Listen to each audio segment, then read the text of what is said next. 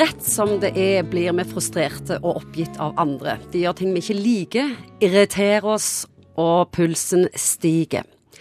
Men så skjer det òg at vi blir sinte og frustrerte på oss sjøl. Fordi vi er som vi er. Enten at vi sjøl har sagt dumme ting, gjør noe feil, oppfører oss teit eller har andre svakheter. Og da spør jeg deg, psykolog Egon Hagen, går det an å endre personligheten, eller er han meisla i stein? Dette spørsmålet husker jeg var mye oppe den tida hvor jeg jobbet som lederutvikler i, i olja. Og da var spørsmålet er det, er det helt tatt mulig å lære en gammel hund å gjøy, og er det ikke sånn at du er den du er, og, og alt dette. Og jeg pleide å si det sånn at eh, når folk når kjempelangt i livet sitt, så er det ikke fordi at de bare bruker de ressursene som de er gode på. Altså hvis du er ekstrovert, så bare bruker du ikke det, men du lærer omsider å jobbe litt i skyggesiden av din egen personlighet. Og det gjør du som regel fordi at du blir gjort oppmerksom på det. At du er sterk på den sida, kanskje veldig målretta, men så kan du glemme en del sånn people issues som er på sida. Så det å få speilinger eh, på de eh, sidene med personligheten som du kanskje ikke var klar over, kan være akkurat det du trenger for å utvikle deg og bli enda bedre egen utgave av deg sjøl. Hva er egentlig personlighet? Hvis du ser på hvor mye arv og hvor mye er miljø, så er det vel ganske mye som går i retning av at over 50% av personlighetsegenskapene egentlig er arva. Men du arver ikke en personlighet, men du arver kanskje en disposisjon til å utvikle noen personlighetstrekk, fordi at du bruker det du har mest av.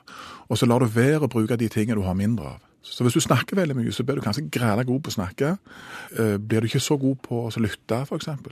Når folk oppsøker deg hender det at de vil endre personligheten sin? Du kan si at Når vi jobber med personlighet i den forstand, så er det ofte og det var knytta til det vi kaller personlighetsforstyrrelser.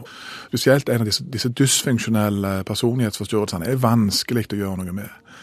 Og Det er faktisk en del forskning som viser at hvis du er veldig dyssosial og ikke bryr deg om andre og bare opptatt av deg sjøl osv., så, videre, så kan det noen ganger faktisk òg gjøre vondt verre det å gå i terapi. For du lærer deg på en måte et papegøyespråk eller et psykobabelspråk som gjør deg enda farligere.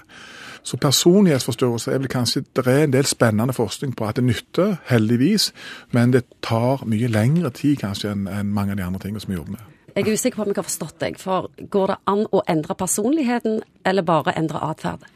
Det, altså Personligheten består av holdninger, det består av atferd, det består av en spesiell karakteristisk måte å oppfatte verden på. Og klart at På samme måte som vi kan jobbe i forhold til andre lidelser, i forhold til endre oppfattelser, så kan vi også gjøre det i forhold til dette. Noe av problemet i forhold til de alvorlige personlighetsforstyrrelsene er ofte at personen kommer fordi at de har en galen, galen kone, de har en galen sjef, de har galne unger. Nå er ikke verken kona di her eller ungene dine her, nå er det du som er her. Og hva er det du ønsker å endre hos deg sjøl? Og Da er det noen ganger for disse personene vanskelig å fortsette, for det var ikke det de hadde tenkt. De ønsket i utgangspunktet å få en bekreftelse på at uh, kona var spinngal. Så har du de som har mange personligheter. Det er alltid spennende på film. Ja, og det har jo vært mye rart der opp gjennom, og rettspsykiatrien har jo egentlig blødd egentlig voldsomt. fordi at det, uh, Folk fant ut at dette var en glimrende måte å unndra seg straff, eller få redusert straff.